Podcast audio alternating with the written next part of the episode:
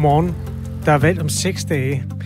Mennesker over 18 år kan stemme. Hvis det var mennesker under 18 år, der kan stemme, så er der en mand ved navn Alex Vanopslag fra Liberal Alliance, der vil få absolut flertal i Folketinget. Det får han ikke, men øh, hvor har han dog stor opbakning? Det er blandt andet, fordi han er god på TikTok.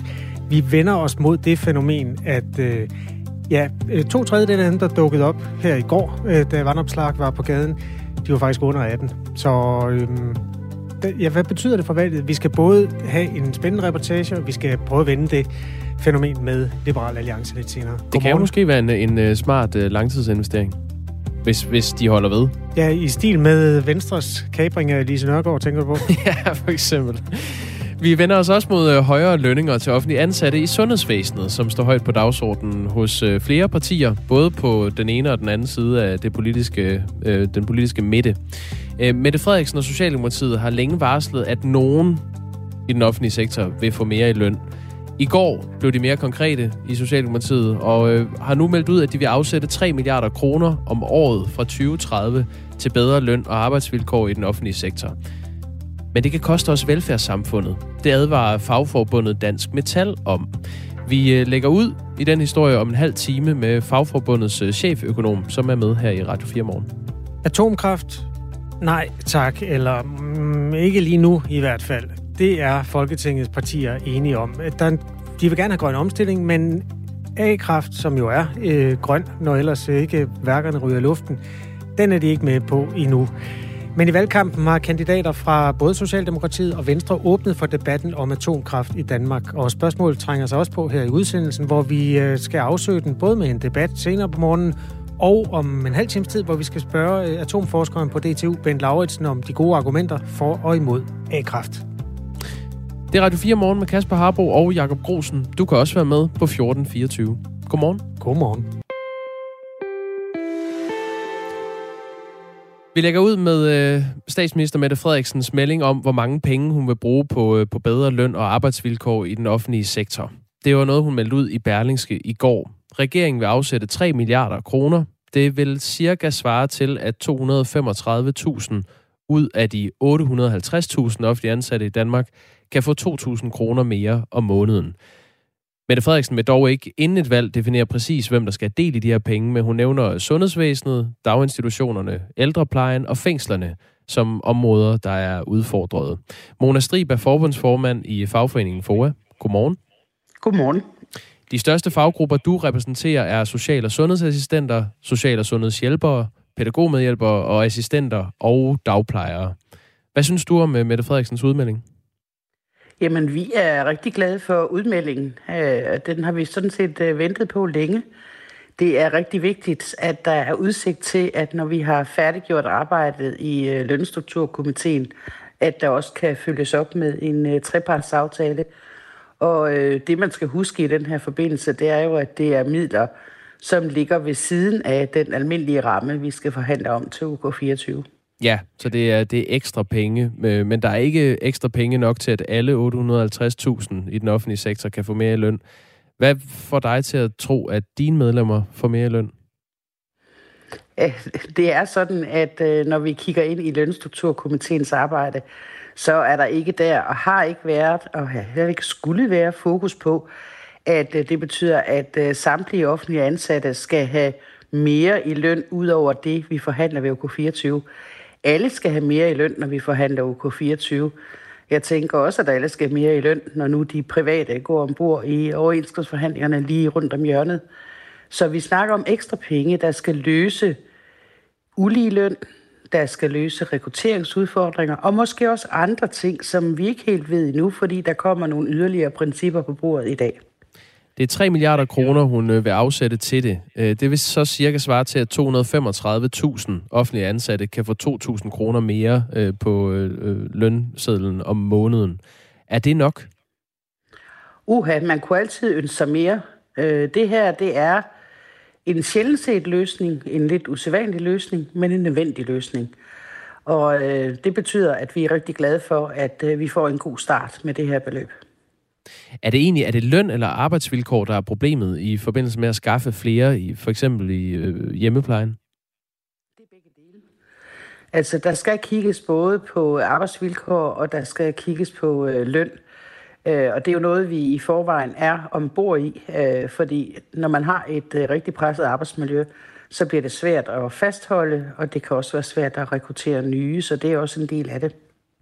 Lad os lige øh, kigge på, hvad man egentlig tjener øh, som nyuddannet sociohjælper. I, I 2019 lå øh, gennemsnitslønnen på 27.226 kroner om måneden som, øh, som offentlig ansat, inklusiv pension og tillæg, skriver øh, sosu.nu. Øh, hvis det er privat, så øh, tjener man øh, en del mere. For socioassistenter hedder gennemsnitsindtægten for en nyuddannet socioassistent øh, 31.769 kroner om måneden i 2019, og det er, når man er offentlig ansat, og igen er det væsentligt højere, hvis man er privat ansat.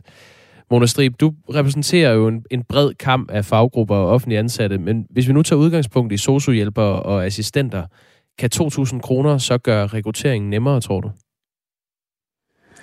Ja, når 2.000 kroner bliver lagt oven i det, vi kan forhandle ved den overens, øh, almindelige overenskomstforhandling, så er det selvfølgelig en hjælp. Det er ikke nok. Øh, vi skal også kigge på øh, arbejdsvilkår og indflydelse på tilrettelæggelse af arbejdstid. Og øh, det, der er også rigtig, rigtig væsentligt, det er, at vi får organiseret arbejdet, blandt andet i ældreplejen, anderledes. Men nu kigger vi jo ikke kun lige præcis på de to grupper, vi kigger jo bredt, og det betyder, at øh, vi også må væbne os med tålmodighed, sådan at lønstrukturkomiteen kan gøre sit arbejde færdigt, når nu valget er overstået, så vi der får savlige og faglige argumenter for, hvorfor vi skal gøre det ene eller det andet, og så skal vi jo finde ud af at få pengene til at række til det. Hvem er det, du, øh, du mener er dine medlemmer, der, der har brug for et lønløft, hvis du skal sætte nogle professioner på? Jamen, hvis jeg skulle kigge på bare snævert set og egoistisk set som øh, formand, så vil jeg synes, at alle mine grupper har øh, brug for et løft og også fortjener et løft. Men det er ikke det, der er spørgsmålet her. Og Christiansborg kommer ikke til og skal heller ikke pege på bestemte faggrupper. Det, der har været formålet med det store pres, der har været gennem længere tid, det har været at sikre, at der skal afsættes ekstra midler sådan at vi som parter kan forhandle, når vi kommer hen til UK 24. Så lyder det fra Mona Strib, som er forbundsformand i øh, fagforeningen FOA, og tak for det. Vi har, øh, vi har også spurgt, om vi kunne få et interview med en fra Socialdemokratiet her til morgen. Øhm, der er ikke nogen, der udtaler sig før pressemødet kl. 10, der hedder Bedre vilkår, bedre velfærd, og bliver holdt på øh, plejecentret Sølund i København kl. 10. Det her er Radio 4 morgen. Klokken er 13 minutter over 6. I det røde hjørne på Radio 4 tager de røde partier debatten om uenighederne til venstre for midten. Folk, der kommer til Danmark, er jo kommet igennem en masse europæiske lande inden, og det er jo en kæmpe finger til det europæiske samarbejde. Den flygtning, der sendes tilbage til en eller anden lejr i Rwanda, jeg tror jeg sådan set, de er rimelig ligeglade, om det kun er Danmark, eller om det er også noget, vi har gjort sammen med et par andre europæiske lande. Hvilke kompromiser skal der findes, hvis magten skal blive i rød blok? Lyt som podcast i Radio 4's app. Radio 4 taler med Danmark. Vores lytter Mariem har skrevet dagens første sms. Ingen skal diskrimineres på grund af deres seksuelle orientering og tro eller etnicitet. Derfor, som politiker, hvis man tilhører minoritetsgruppe, ikke demonisere andre. Jeg føler for Søren Pape, skriver Mariem.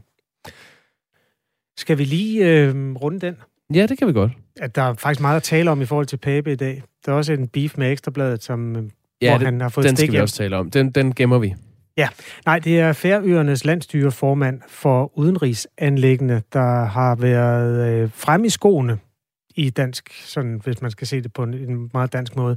Jenis Averana hedder han. Og han er blevet interviewet i fjernsynet og siger, jeg kan ikke pege, pege, pege på Søren Pape Poulsen, øh, fordi han er homoseksuel. Citat, det at leve som såkaldt homoseksuel er i strid med den grundlov, som jeg personligt har, og som mit parti også har, og som jeg synes Færøerne også har, siger han i en radioudsendelse. Ja, sådan en har han lige. Øh, det, det er jo Midtflokkerin, hedder partiet, og øh, det er kendt som Centerpartiet. Det er et kristen parti. Partiet fik to mandater ved lavtingsvalget på Færøerne i 2019. Øhm, og der er vist heller ikke rigtig... Øh, det er ikke videre relevant, øh, hvorvidt han vil pege på Søren Pape eller ej. Nej, altså de er ikke på vej til det danske folketing i den forstand. Nej. Men det er en budbringer om, at de der nordatlantiske mandater, der er stadig nogle kulturkløfter på mange fronter.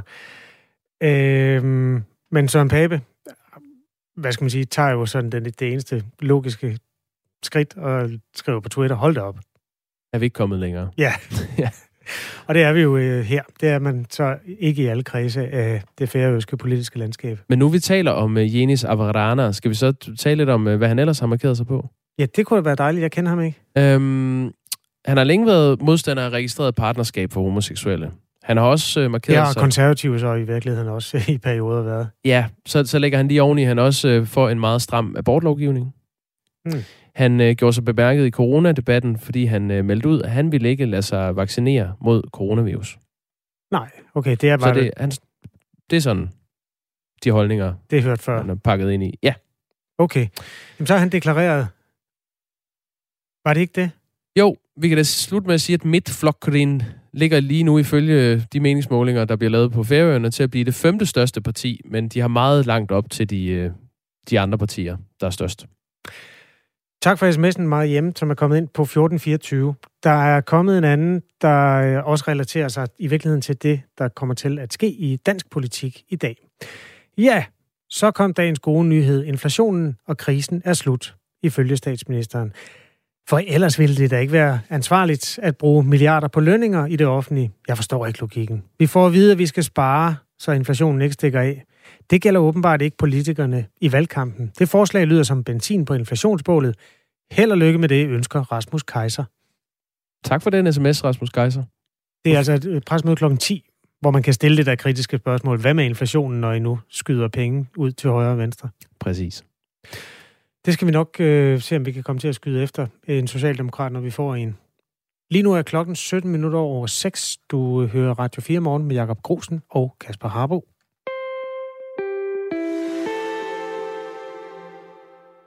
Liberal Alliance og Alex Vanopslag er populære blandt unge vælgere. Faktisk viser en meningsmåling fra sidste uge, som Opinion har lavet for DR og mediet Altinget, at Liberal Alliance er det største parti blandt unge vælgere og står til 14 procent af stemmerne i den gruppe.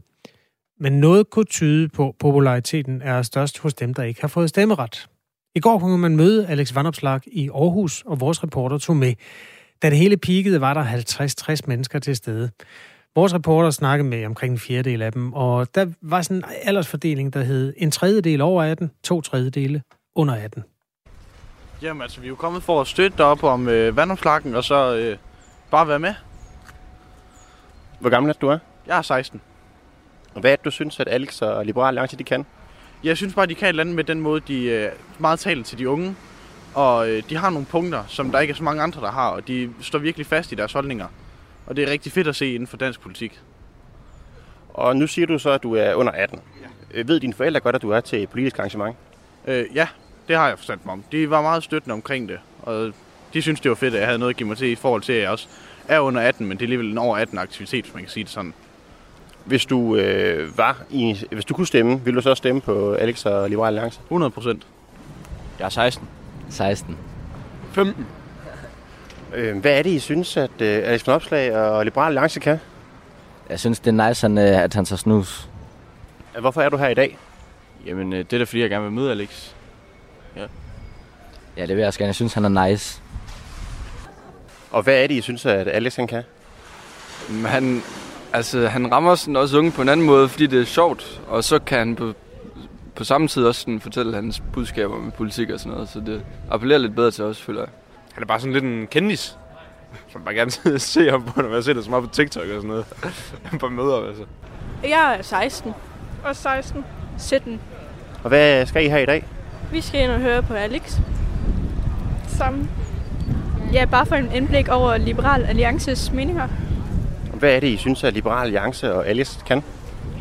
Altså, nu har jeg ikke hørt så meget om dem, og det er derfor, jeg er kommet her blandt andet for at høre dem. Men jeg synes altså, ja, jeg bare har set mange gode, altså bare mange vidner og alt det der på TikTok. Så ja. Jeg får bare at vide, at han interesserer mange unge, så hvorfor ikke? Altså, alt det der med topskat og sådan noget, det, skulle, det skal bare væk jo. Så, øh, og så er han jo også bare skøn at høre på. Øh, vi er 14. 14. 15 år, ja. Hvorfor er I her i dag? Det er fordi, vi godt kan lide Alex. Og hvad er det, du synes, at Alex kan? Øh, jeg synes, han, er, han har god humor, og så kan jeg godt lide hans politik. Ja, jeg synes, jeg synes, han er der glemt i øjet, og rigtig god retorisk, når man snakker om. Ja. Så I håber på at, at få det glimt ud af ham i dag også? Ja, vi håber på, at vi måske kan få et billede med ham, hvis vi er heldige. Ja. Og bare høre på hans politik. Øh, ja, vi vil gerne have et billede med Vandopslag. Hvad er det, du synes, at Alice Nordblag og Liberal Alliance de kan? Øh, jeg synes, de er gode på sådan sociale medier og sådan noget. Så det gør, at de sådan spreder et godt budskab og sådan noget. Og hvor gammel er du er? Jeg er 14. Det går hans vej, i hvert fald blandt de unge. Alex Vanopslag. Øh, mange af hans fans blev altså repræsenteret her i et lille klip, som vores reporter Nikolaj Henriksen har lavet i går. Ja, vi, Ja. Jeg hæfter mig bare ved øh, argumentationen i, i de her klip. Altså, det er jo... Øh, han, er, han er nice, han er fed på de sociale medier, han er bare en kendis. Øh, det der med topskatten, den skal bare væk, jo. øhm, har, har politik altid været sådan her? Kan du huske, hvordan, hvordan var ungdommen, da du var ung? Altså, der var det jo faktisk sådan, at jeg meldte mig ind i konservativ ungdom øh, i gymnasiet, fordi det var bare der, festen var. Ja. Øhm, det var, altså... I 80'erne? Ja, og hvis man spurgte nogle voksne, hvad det vil sige at være med i konservativ, altså især hvis man spurgte de voksne, der boede i det hus, hvor jeg boede, så var det jo det, altså det mest kasteløse, man overhovedet kunne foretage sig. men men øh, jamen, det har jo ikke noget med det at gøre. Altså, der er jo også der, der er jo noget... Øh, det, det, hvor, hvor er festen? Den er der hos Alex. Ja, ja. Han er et idol jo. Ja. Øh, Rasmus skriver på 1424, det er dejligt at høre, at den kommende generation er liberal og ikke kommunister, som de var i gamle dage. Jeg tror stadig, der er nogen, der er kommunister, hvis jeg skal være helt ærlig. Men Mm. det, jeg tror, og jeg tror i virkeligheden ikke, de to fester er super forskellige. Det kan du godt have ret i. Jeg Ja. så, at øh, Jakob Mark fra SF øh, gav skud ud til Liberal Alliance på Twitter og skrev, at det var øh, sådan set... Man kan ikke bare tale om, at han er stor på TikTok, Alex. Det er også fordi, at han taler om frihed og et positivt budskab om, du kan godt. Det tror han også øh, vækker genklang hos de unge. Det er da dejligt at få at vide. I, I weekenden stod der også flere hundrede unge i kø foran Københavns hovedbanegård, hvor Alex Vanopslagh var på det tidspunkt. Hypen omkring netop ham, øh, og grunden til, at den er så stor blandt de unge, øh, har jo vagt interesse hos øh, forskerne også. For eksempel Jakob Lindå Jensen, der forsker i sociale medier og kommunika- øh, politisk kommunikation. Alex Vanopslag, han er jo en politiker, der taler øh, meget klart øh, til de unge. Han har et klart budskab. Han er ung med de unge. Han har sådan lidt frisk stil, øh, og det kan de godt lide. Men først og fremmest øh, kommunikerer han klart. Han har nogle klare budskaber, som taler til dem. Og de budskaber går altså direkte ind i hjertet på de unge, også dem, der ikke har stemmeret endnu. En målgruppe, som det ifølge Jakob Lindå Jensen kan være smart at gå efter. Jamen, det er jo klart, at øh, dem, der er under øh, den øh, stemmeretlige alder, øh, de vil jo også en dag øh, blive vælgere, og derfor er det jo rigtig godt at få fat i dem allerede nu. Al vores forskning viser jo også, at øh, de her grupper, øh, både førstegangsvælgere, men også dem, der endnu ikke er vælgere, de er ret svære at nå. Og det er faktisk ret unikt, at vi har en politiker, der i den grad nærmest har fået rockstjernestatus. Hvis andre folkevalgte politikere sidder med en drøm om at få samme gennembrud blandt de unge og fremtidige vælgere, så er der bare ikke nogen garanti for succes, fordi det er ikke alle, der vil kunne lykkes med den øvelse, påpeger Jakob Lindå Jensen. Jamen det kommer jo an på, hvilket budskab de har. Altså vi har jo i flere år set, at, at politikere, der talte meget om klima, øh, også havde stor succes hos de unge, fordi klimakampen er noget, der optager de unge rigtig meget. Men det er klart, det er jo ikke en hvilken som helst politiker, der kan gøre det. Øh, for det første skal du have et emne, der interesserer de unge, og for det andet skal du have en, en stil, altså øh, en politiker som øh, ja, øh, Lars Løkke eller Christian Jensen i den, øh, i den tid, kan ikke på samme måde gøre det, fordi de måske er lidt for tørre og faglige og savlige. Ikke? Øh, unge kan godt lide, altså unge har jo traditionelt hvad skal vi sige, mere øh, ekstreme holdninger, eller mere klare holdninger, end de ældre, ikke også, som måske får en mere nuanceret syn på tingene. Øh, og derfor er det det der med de klare budskaber. Det er ikke de lange nationale økonomiske analyser, øh, der tænder de unge. Det er øh, nogle klare budskaber, og det er nogle budskaber, der sætter dem i centrum og tager deres liv alvorligt. Og Alex Vanderflag tager altså de unge mennesker alvorligt og har enorm medvind lige i øjeblikket. Men han skal ikke glæde sig for tidligt. Jamen det er jo klart, når man opstår sådan, opnår sådan en rockstjerne-popularitet, så kan det hurtigt gå ned og bakke igen. Se på for eksempel, hvordan det, det gik med Uffe Elbæk, og i en anden sammenhæng, hvordan det er gået med, ja, med Pia Kærsgaard og Christian Thulesen Dahl. Det går op og ned i, i politik, øh, og man kan jo sige, at når man i den grad øh, fører kampagner, øh, som er baseret på sociale medier, jamen så fører man også kampagner, der er baseret på et meget flygtigt medie, og det er meget hurtigt at blive ret populært på sociale medier, men det kan også hurtigt gå ned ad bakke igen. Altså man kan få en shitstorm imod sig, eller man kan på anden måde blive øh, udsat for øh, forskellige øh, kampagner.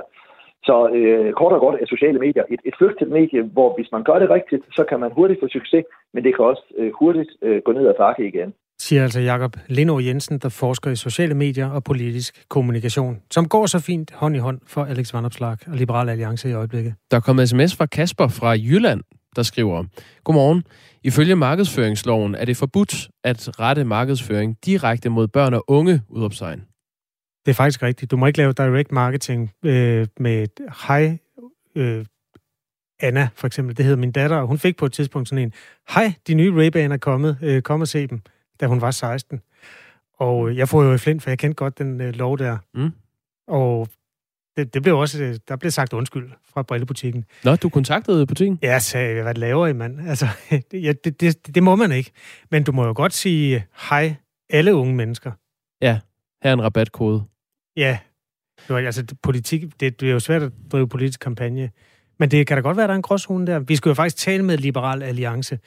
Is, ikke Alex, han, øh, han taler ikke med folk på vores alder, men... Øh... Vi har Ole Birk med. Ole Birk Olesen. Han er med øh, lidt over halv otte. Det jo egentlig også interessant. Tror du, øh, Liberal Alliance ville have lige så meget vind i sejlene hos de unge, hvis det var Henrik Dahl eller Ole Birk, der var formand? Nej. Kæmpe, nej, det tror jeg faktisk ikke. Men øh, ja, okay. Kenneth Fischer, han skrev, Claus Riskær Pedersen havde samme status, da jeg var ung. Riskær, han, han var venstremand dengang. Ja, også en festlig fætter. Det er også, et, jeg synes faktisk, at man skal passe på som voksen med at sige, at øh, de unge er åndssvage, fordi de tager den politiker, der er mest nice. Altså det gør vi jo også som journalister. Vi gider jo ikke snakke med de kedeligste. Vi, vi, vi går jo også efter dem, der sprudler, Bertel Hård, og, og altså, der, der er også nogle venstrefolk, som vi ikke ringer til. Ja, og andre.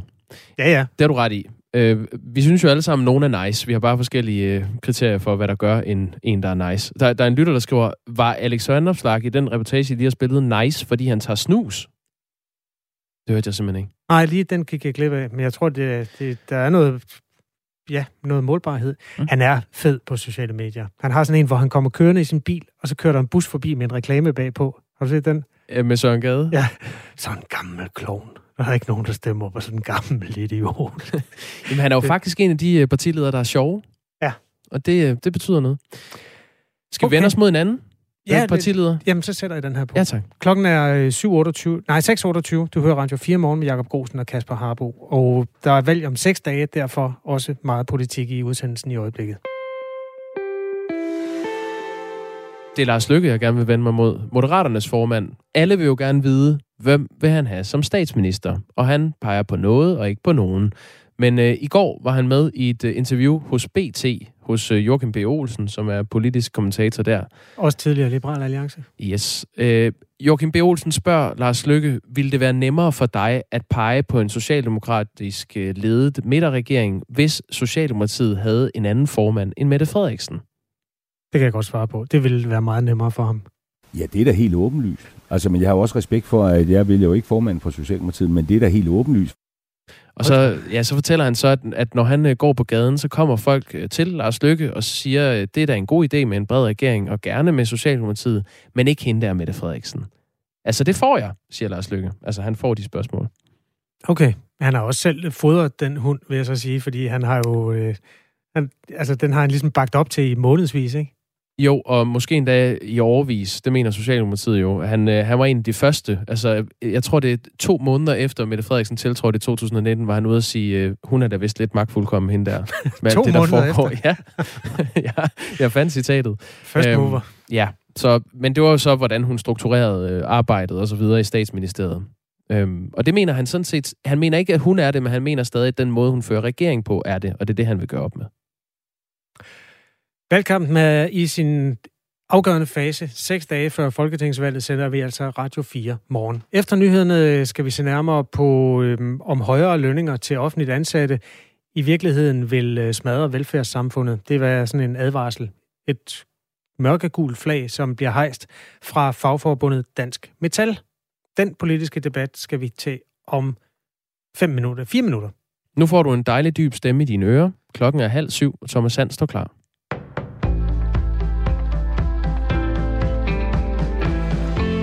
Når regeringen i et nyt udspil varsler en forbedring af løn- og arbejdsvilkår inden for det offentlige, er det at gå imod den danske model. Sådan lyder det fra Dansk Industri og Dansk Erhverv. Flere medier skriver, at regeringen vil afsætte 3 milliarder kroner om året fra 2030 til bedre løn- og arbejdsvilkår. Hvor mange penge regeringen ønsker at afsætte til at sikre bedre arbejdsvilkår fra 2024 til og med 2029 er der endnu ikke sat tal på.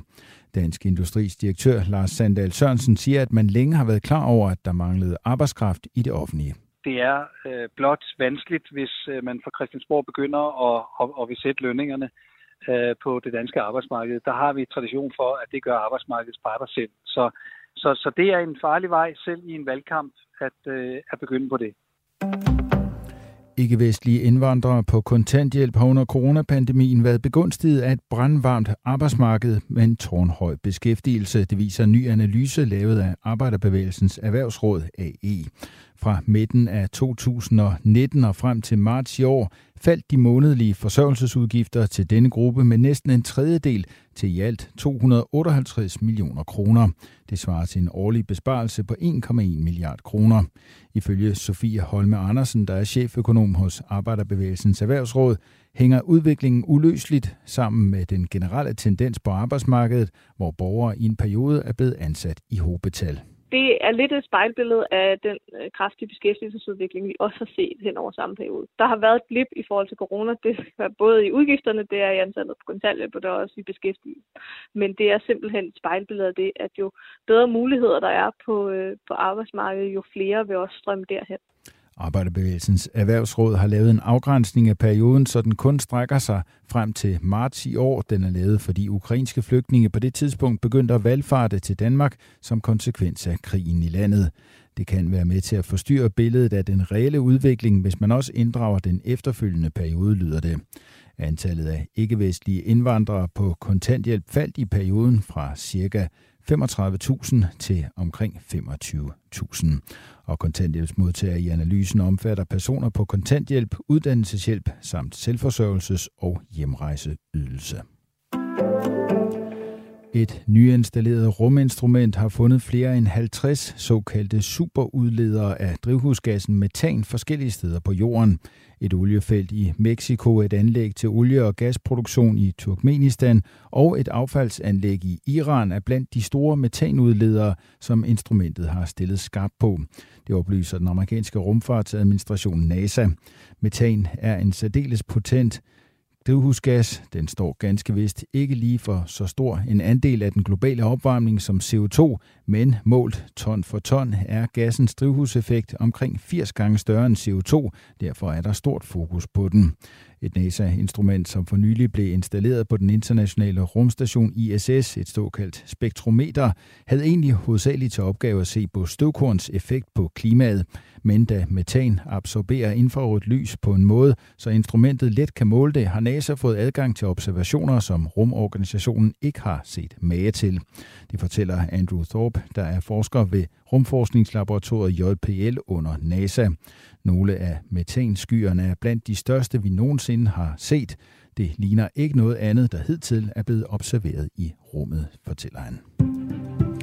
I morgen og formiddagstimerne tog flere steder i den sydlige del af landet, ellers bliver det en dag med mest skyet vejr. I den sydøstlige del af landet en overgang, dog mulighed for lidt sol.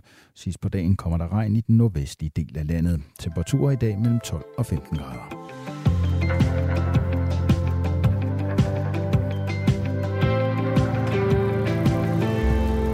Det her er Radio 4 morgen klokken 6.34, og atomkraft er blevet et emne i valgkampen i Danmark. Gennem længere tid har det kun været nye borgerlige og liberal alliance, der åbent har tilkendegivet, at de ser det som en mulighed med et atomkraftværk på dansk jord. Men nu har også kandidater fra Venstre og Socialdemokraterne meldt sig i koret. Vi skal belyse atomkraftdebatten ved at sætte to af fløjene op mod hinanden senere på morgenen.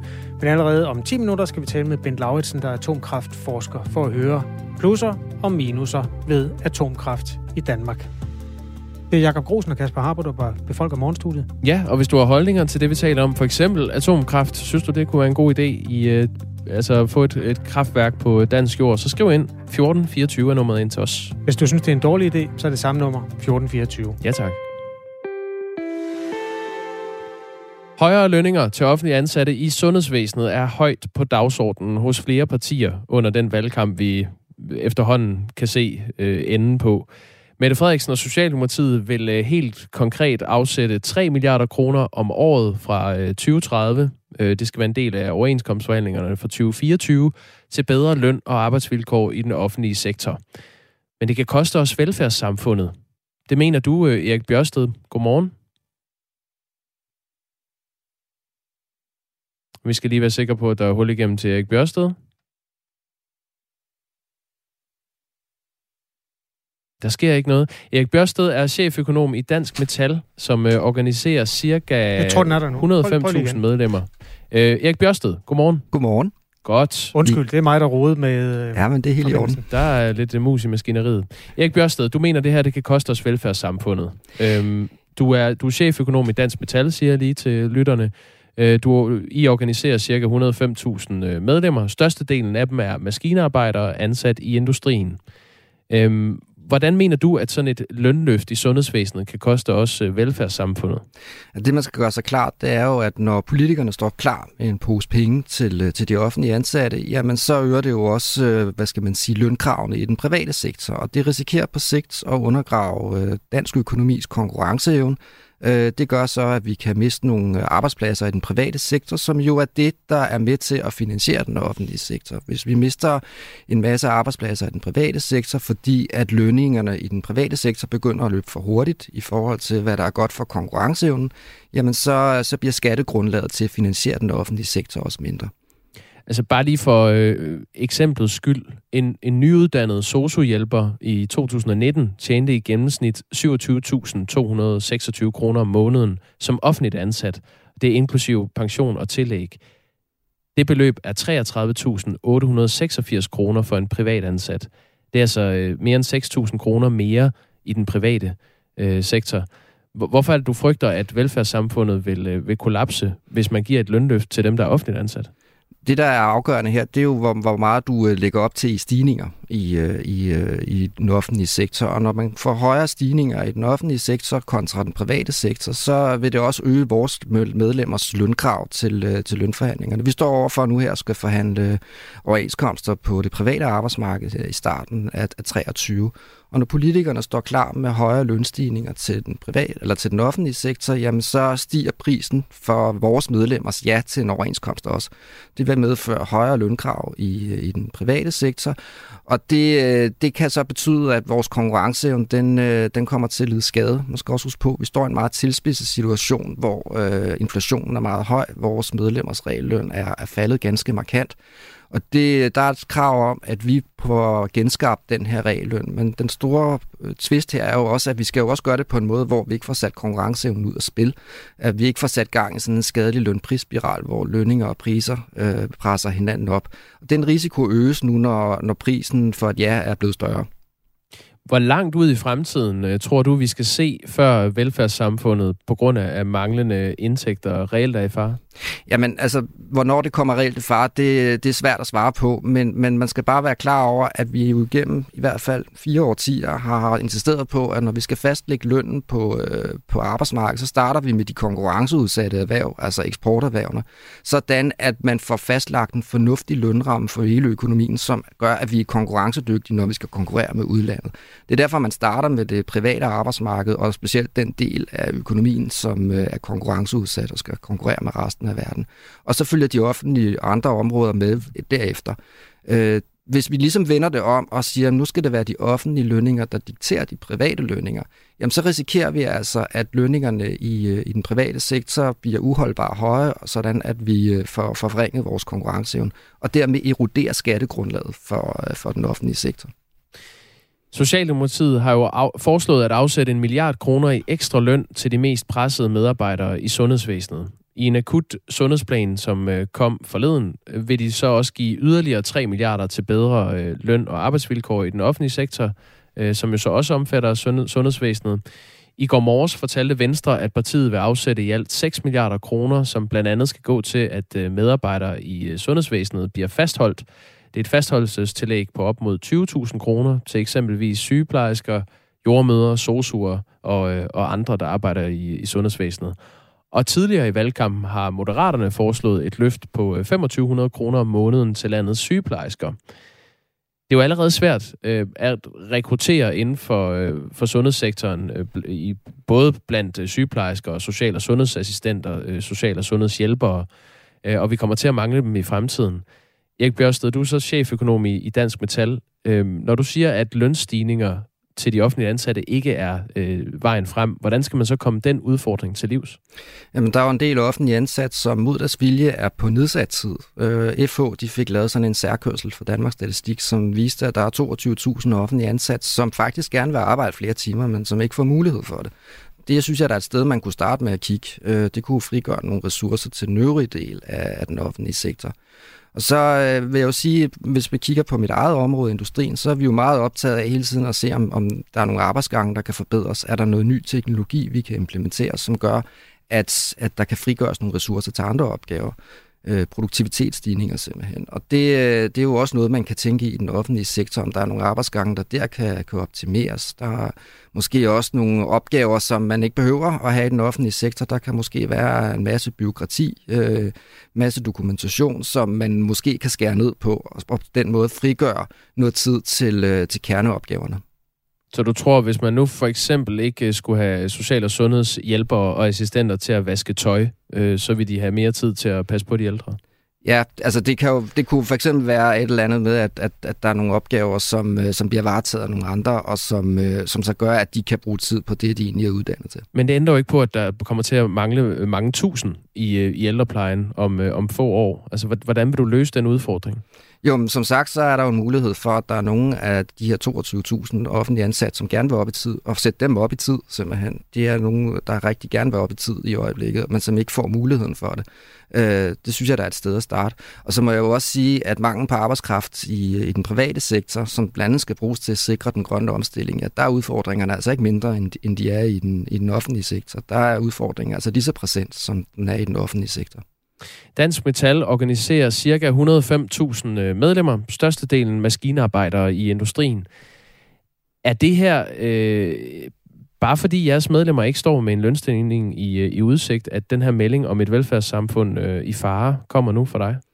Nå, men altså, vores medlemmer skal nok få en lønstigning. Problemet er bare, at når man giver højere lønstigninger i den offentlige sektor, hvis det er de offentlige lønninger, der stiger mere end de private, så stiger kravet også blandt vores medlemmer til, til lønstigningerne. Og så begynder vi måske at havne i en situation, hvor øh, vores konkurrenceevne kommer i fare, hvor øh, vores eksporterhverv får svært ved at afsætte deres varer, fordi de, bliver, de her højere lønninger bliver overvældet i priserne, det gør dem mindre konkurrencedygtige, og så taber vi nogle arbejdspladser i, på den lidt længere bane.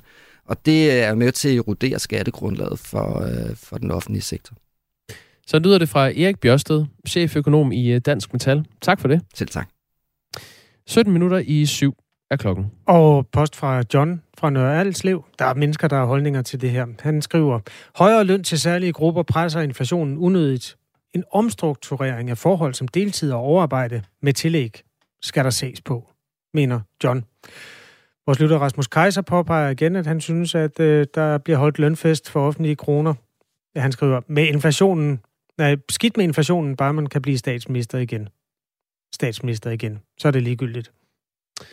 Andre lande har i mange år kigget misundeligt på den danske model. Derfor er det virkelig vildt, at Socialdemokratiet er villige til at ofre en historisk vigtig samfundsbærende søjle for at bevare magten, står der i en anden sms. De kommer ind på 1424. Det her det er jo altså debatten om, hvorvidt man skal hæve nogle af de grupper, hvor lønningerne er relativt lave, og hvor utilfredsheden med lønningerne har ulmet lang tid i valgkampen. Ja, og bare lige for at rydde op i øh, mulige misforståelser. Øh, både Socialdemokratiet og Venstre er kommet med akutplaner, øh, hvor Venstre vil afsætte 6 milliarder kroner, som skal gå til at øh, fastholde medarbejdere i sundhedssektoren. Det her, hvor de kan få et fastholdelsestillæg på op til 20.000 kroner, hvis de bliver hen over vinteren. Og det er der, Socialdemokratiet har lavet en øh, akutplan, hvor de vil afsætte en milliard til ekstra løn til de mest pressede medarbejdere. Og det er derudover, at Socialdemokratiet nu siger, at der skal være yderligere 3 milliarder i en pulje, som kan forhandles ved overenskomstforhandlinger. Klokken er kvart i syv. Tak fordi du har tændt for Radio 4 morgen. Der er seks dage til Folketingsvalget. Atomkraft er blevet et emne i valgkampen. Gennem længere tid har det kun været Nye Borgerlige og Liberal Alliance, der åbent har støttet et, ideen om atomkraft i Danmark. Men i går lød det sådan her i Radio 4 Morgen. Socialdemokratiets Tejs Kylling Hommeltoft, folketingskandidat i Sydjyllands Storkreds. Vi ved, der sker rigtig meget på det her område, og vi kan også se konsekvensen af, at vi ikke har en stabil baseload af energi. Og øh, vi har besluttet os, at vi skal ikke være afhængige af russisk gas. Jamen, så skal vi finde en eller anden anden kilde til strøm. Så jeg synes, det ville være forkert af mig kategorisk at sige, nej, det øh, vil jeg overhovedet ikke øh, finde øh, i tale på øh, dansk jord. Der er flere socialdemokrater, der går mod partilinjen på det her felt, og det er der som også hos partiet Venstre, blandt andet folketingskandidat Niels Henning Blats, der i et, øh, for, et øh, læserbrev har foreslået, at Danmark skal bygge flere små atomkraftværker. Ben Lauritsen er atomkraftforsker og afdelingsleder på Danmarks Tekniske Universitet. Godmorgen. Ja, godmorgen. Oplever du større interesse for atomkraft fra politisk hold i den her valgkamp end tidligere? Øh, ja, det gør jeg. Altså, det har stort set ikke været et tema i tidligere valgkampe, men øh, det er blevet tema øh, i den her valgkamp, og, øh, og det hænger jo nok sammen med en, en, øh, en kraftigt stigende interesse for atomkraft, som vi har set i ja, gennem de sidste få år, måske endda det sidste, det sidste år. Og måske også en stigende interesse for det her felt, der hedder energipolitik, som jo flyder rigtig meget sammen med sikkerheden og, og krigen i Ukraine lige i øjeblikket. Ja, det er rigtigt. Ja. Du har tidligere sagt, at... Altså, undskyld. Det hænger sammen. Undskyld.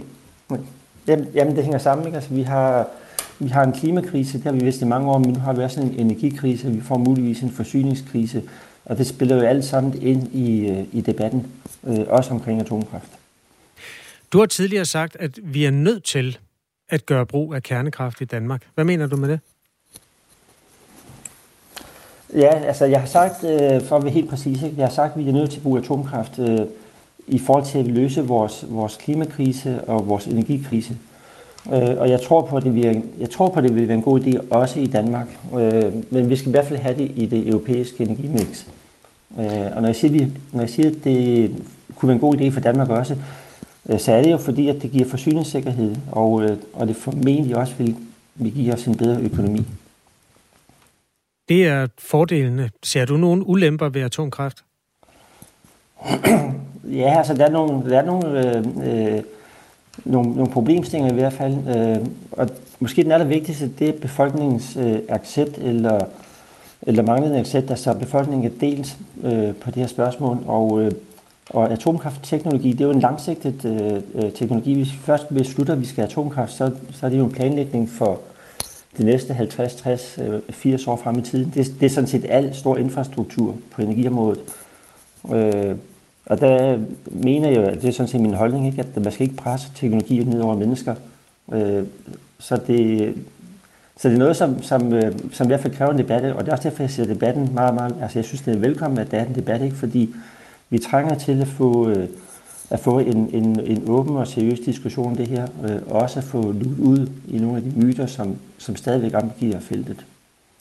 Senere på morgenen åbner vi for selve debatten, der sidder der vi SF over for Liberal Alliance, som jo altså, nej, det er nye borgerlige, undskyld, men altså i højre mod venstre, der er øh, billedet også sådan ret klassisk øh, tegnet op, at øh, på venstrefløjen er det atomkraft, nej tak, på højrefløjen er det atomkraft, ja tak. Ved du egentlig, hvorfor det er sådan, Ben Lauritsen? Nej, altså det, og det har man set i mange år, øh, og det har været symptomatisk, øh, altså både i Danmark, men også i andre lande, at vi har set den der øh, øh, deling mellem højre og venstre. Øh, der kom en ny deling i Danmark mellem, mellem øh, ældre og, og yngre mennesker, altså hvor, hvor ældre mennesker de er overvejende imod atomkraft, mens at unge mennesker de er for atomkraft. Og det er, det er relativt nyt, at vi har set det. Øh, men det er rigtigt nok, at det er de her øh, fronter, som kan være lidt svære at, øh, at forklare. Du, der lytter med, må selvfølgelig gerne skrive dine holdninger til debatten om atomkraft, eller bare din holdning til atomkraft. Et ja tak eller et nej tak, og gerne med en uddybning af, hvorfor du ser øh, sådan på det. Ben Lauritsen er altså atomkraftforsker og afdelingsleder på Danmarks Tekniske Universitet. Hvad skal der til for, at vi kan få et atomkraftværk i Danmark? Ja, der skal, der skal flere ting til. Øh, altså det første, der skal ske, det er jo, at vi skal ændre vores, øh, vores lovgivning. Vi har en folketingsbeslutning, som siger, at atomkraft kan ikke indgå i dansk energiplanlægning. Og, og det er altså det første skridt at forændre den.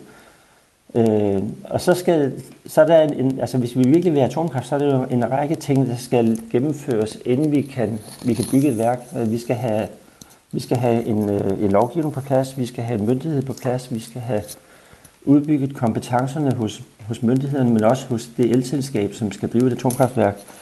Øh, og der er en række praktiske ting i forhold til, at vi skal finde placering, og hvad er det for en type værk, vi skal have. Skal det være et elværk, eller skal det være kombineret kraft-varmeværk? Øh, så alle de ting, de skal ligesom på plads, inden vi kan, vi kan øh, øh, sætte spaden i jorden og, og bygge det første værk. Øh, så det er, en, det er en længere proces. Hvor lang tid vil der gå fra, med, hvis man tager en beslutning på den anden side af valget, for eksempel, et meget tænkt eksempel, men hvis nu det sker, den politiske side, den bliver fikset, hvor lang tid vil der så gå, før der kan blive produceret energi med atomkraft i Danmark? Ja, altså, altså hvis vi tog beslutningen øh, i morgen eller lige efter valget, og siger, nu vil vi undersøge det seriøst, vi behøver ikke engang tage beslutningen, vi skal bygge, men hvis, hvis vi tog beslutningen, vi skal undersøge det seriøst, så vil der gå 5-10 år med, med planlægningsfasen, og der siger det internationale atomenergiagentur, som er autoriteten på det område, de siger, at det kan gøres på 5 år i et højt industrialiseret land, og det er Danmark. Øh, så, så måske 5 år, hvis man virkelig vil det her, og så tager det øh, cirka syv år at bygge værkerne. Altså, det er det gennemsnitlige tal for, for nyere værker. Der er nogen, der er bygget hurtigere, men der er også dem, der er bygget på længere tid. Ikke? Så, så i alt øh, størrelsesorden 12 år. Jeg kørte i tog med nogle finder for et par uger siden, øh, hvor vi så og talte om øh, situationen omkring øh, krigen i Ukraine og sådan noget. Den er på en eller anden måde lidt mere nærværende i Finland. Øh, også fordi der er atomkraftværker på vej, og nogen, noget af det der anlægsarbejde, det er jo så gået i stå, fordi det var faktisk russiske firmaer, der var i gang med at bygge. De er taget hjem. Hvordan oplever du den situation? Jamen det er den, øh, altså alt, alt omkring øh, Ukraine og Rusland, det er jo, det er jo, øh, det er jo trist. Ikke? Øh, og det er rigtigt nok, at, øh, at, øh, at Finland havde indgået en aftale med Rosatom, altså med det russiske øh, statsselskab, om at bygge deres 6. enhed oppe i det centrale Finland. Og den aftale, den har de droppet. Det var, det var et russisk designværk, og det var også med russisk medejerskab. Og, og det var selvfølgelig ikke noget, der var, der var gangbart efter den her situation. Hvad Finland så gør i praksis, det står stadigvæk hen i det uvisse. Det er også for i virkeligheden at spørge, altså der er vel også en hel masse ting omkring konstruktionen og samarbejdspartnerne, der skal være virkelig på sikker grund, før man kaster sig ud i det her. Altså nu amerikanerne bliver vi formentlig ved med at være allieret med på en eller anden måde. Men hvis nu det var nogle øh, mellemøstlige lande, der for eksempel tilbød den her teknologi, så skulle man tænke sig rigtig godt om, og det samme har jo vist sig med Rusland. Er der overhovedet sådan en, en forsyningssikkerhed i den kæde, der gør, at man kan kaste sig ud i at, at lave et atomkraftværk? Ja, altså, altså det mener jeg ikke er det store problem. Nu er der ikke nogen mellemøstlige lande, som tilbyder den her teknologi. Øh, så de, de, øh, de store spillere på området lige nu, det er, øh, det er Frankrig, øh, EDF, og det er USA, Westinghouse. Det kunne også være Sydkorea. Altså, de kan alle sammen levere det, vi kalder generation 3 trykvandsreaktorer, altså de store enheder. Og så er der en, en, en række spillere, som, som som øh, er begyndt at tilbyde, de er så ikke bygget endnu, men tilbyde dem, man kalder små modulære enheder. Øh, det kan igen være Frankrig, det kan også være Rolls-Royce i England, det kan være Newscale i USA. Så der er, øh, der er lidt bestemte leverandører fra, fra øh, vestligt orienterede lande, som øh, kan levere både teknologien, men også hele øh, forsyningskæden, altså branchens cyklus, der skal til. Ben Lauritsen, vi har fået en sms fra vores øh, lytter Jesper, mens vi taler med dig. Der står, kan I ikke spørge atomkraftforskeren, hvad der er bedst? Atomkraft eller vindmølleenergi? Hvad vil være bedst for klimaet? Jamen, det bliver, det bliver ikke et enten eller, det er, altså, det er både og. Øh, vi skal have, altså vi skal både have mere vind, vi skal også have sol, vi skal også have atomkraft. Vi skal, vi skal sådan set have alle de teknologier, øh, som er CO2-neutrale i spil. Altså vi er, øh, og det er som måske min hovedpoint, det er, altså vi er så langt fra at komme i mål med en grøn omstilling, at vi har at vi ikke råd til at udelukke nogle af teknologierne på forhånd. Øh, så svaret det bliver altså, at vi skal både have det ene og det andet. Det, der virkelig skiller vandene i forhold til atomkraft, det er frygten for, at der skal ske en stor ulykke. Der skete en enorm ulykke i, på ukrainsk jord i 1986. Øh, Tjernobyl sprang i luften. Der var frygt for en stor katastrofe, som heldigvis viser sig at blive noget mindre, da en tsunami ramte Japan, og atomkraftværket Fukushima lækkede. Hvor stor er risikoen ved at bygge et atomkraftværk for, at der sker en ulykke? Jamen, den er meget lille. Øh, nu får du, du får mig som forsker aldrig til at sige 0% eller 100%. Øh, men, men atomkraft, det er blevet, øh, altså det er blevet ufatteligt sikkert, ikke? og, og øh, udviklingen er gået på to hovedområder. Det ene det er at, øh, at, for, at øh, mindske risikoen for, at der overhovedet sker en ulykke. Øh, men ulykker, de sker, når der er mennesker og teknologi sammen, så sker det ulykker, det ved vi godt. Men det andet, det er også at øh, forhindre, at en ulykke udvikler sig til, til en øh, katastrofe. Øh, og, og begge tingene har været øh, en, øh, en, en overordnet, øh, altså en, en hovedoverskrift på al udvikling af atomkraft øh, igennem de sidste, det ved ikke, 20-30 år. Øh, så sikkerheden i dag, på de værker, der bliver bygget i dag, det er en helt anden karakter, end, end du nævnte du øh, Tjernobyl-værket. Vores lytter André kan huske Barsebæk. Hvordan går det der, spørger han i en sms. Jamen, Barsebæk, det er lukket. Øh, det blev lukket, øh, så vidt du husker, i var det 2000 og 2003 eller 5, at man lukkede de to enheder. Øh, og det, øh, det er gammelt at blive dekommissioneret, altså øh, skilt af. Så det, de reaktorer, de kan ikke bruges igen. Øh, det er rigtigt, at der har været overvejelser fra svensk side, så bygge nogle nye reaktorer på samme sted. Øh, og der er ikke helt opdateret på, hvad, hvad den nye svenske regering vil på det punkt. Der er et spørgsmål, der relaterer sig til sikkerheden fra vores øh, lytter Nikolaj. Han spørger, hvad vil der ske, hvis et øh, lille atomkraftværk i Danmark bliver bombet, sådan som forsyningssikkerheder virksomheder lige nu bliver det i Ukraine? Spørger Nikolaj. Altså, der er jo også et terrortruslerne er jo ikke helt overstået. Der kan jo ske alt muligt. Øh, vil en bombe ved et atomkraftværk være øh, lige så alvorligt som Tjernobyl-ulykken? Nej, altså, øh, altså de atomkraftværker, som både dem, der er bygget i dag, og, og dem, vi bygger nu, øh, de er jo bygget med en, øh, for det første en, en tryktank, og så en reaktorindeslutning, som er beregnet til at forhindre, at radioaktive stoffer de slipper ud til omgivelserne.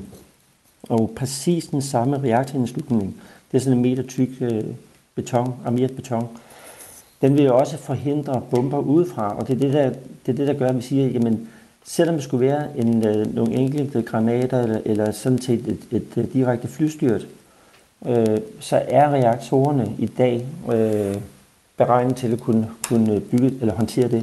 Det er klart, når det er sagt, så, så, så er jeg også nødt til at sige, at de er jo ikke bygget til krig. Øh, det er ikke noget, der er.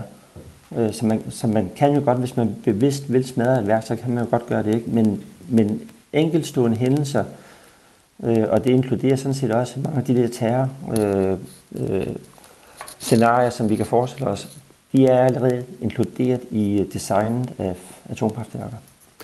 Afslutningsvis, Bent øh, Lauritsen, selv et velfungerende atomkraftværk producerer jo noget atomart affald, som der altid har været rigtig meget diskussion om. Hvor meget laver det, og hvor skal man gøre af det? Øh, to gode spørgsmål. Øh, det laver, øh, altså det, det som vi øh, især er bekymret for, eller er opmærksom på, det er det højaktive affald. Og det er der størrelsesorden 2 kubikmeter af per år fra, et, fra en, en stor kernekraftenhed. Så det er i virkeligheden en, en meget, meget lille mængde, men det er et farligt affald. Og løsningen det er at isolere det fra biosfæren, det vil sige grave det ned i undergrunden. Det er bare ikke implementeret, og det ved vi godt, det er, den, altså det er den tekniske løsning, den er bare ikke implementeret noget sted i verden endnu, men både Sverige og Finland, de er sådan set på vej øh, til at bygge, hvad det bliver verdens første slutdeponier for det brugte højaktive affald, og det er nede i 500-600 meters dybde i Grundfjeld, hvor det bliver, hvor det bliver øh, lagt ned, og så bliver det øh, isoleret, så det ikke kan komme i kontakt med øh, omgivelserne. Så det er løsningen. Tak fordi du ville være med, Bent Lauritsen. Jamen, øh, velkommen. Atomkraftforsker og sektionsleder på Danmarks Tekniske Universitet. Den politiske debat, den tager vi senere med Pernille Vermund, som er formand for Nye Borgerlige, og Rasmus Nordqvist, der er miljøordfører hos SF. Øhm, og det, det er kvart over otte, men den politiske debat er sådan set allerede i gang i sms'en. Øh, jeg tager en, og så kan vi tage flere senere. Den russiske invasion af Ukraine har tydeligt gjort, at vi i Europa skal finde en måde, hvorpå vi ikke længere er afhængige af hverken russisk eller arabisk energi. Sol og A-kraft. Øh, som gammel A-kraftmodstander må jeg erkende, at både teknologi og politiske vinde gør, at vi må gentænke A-kraften. Nu klokken syv.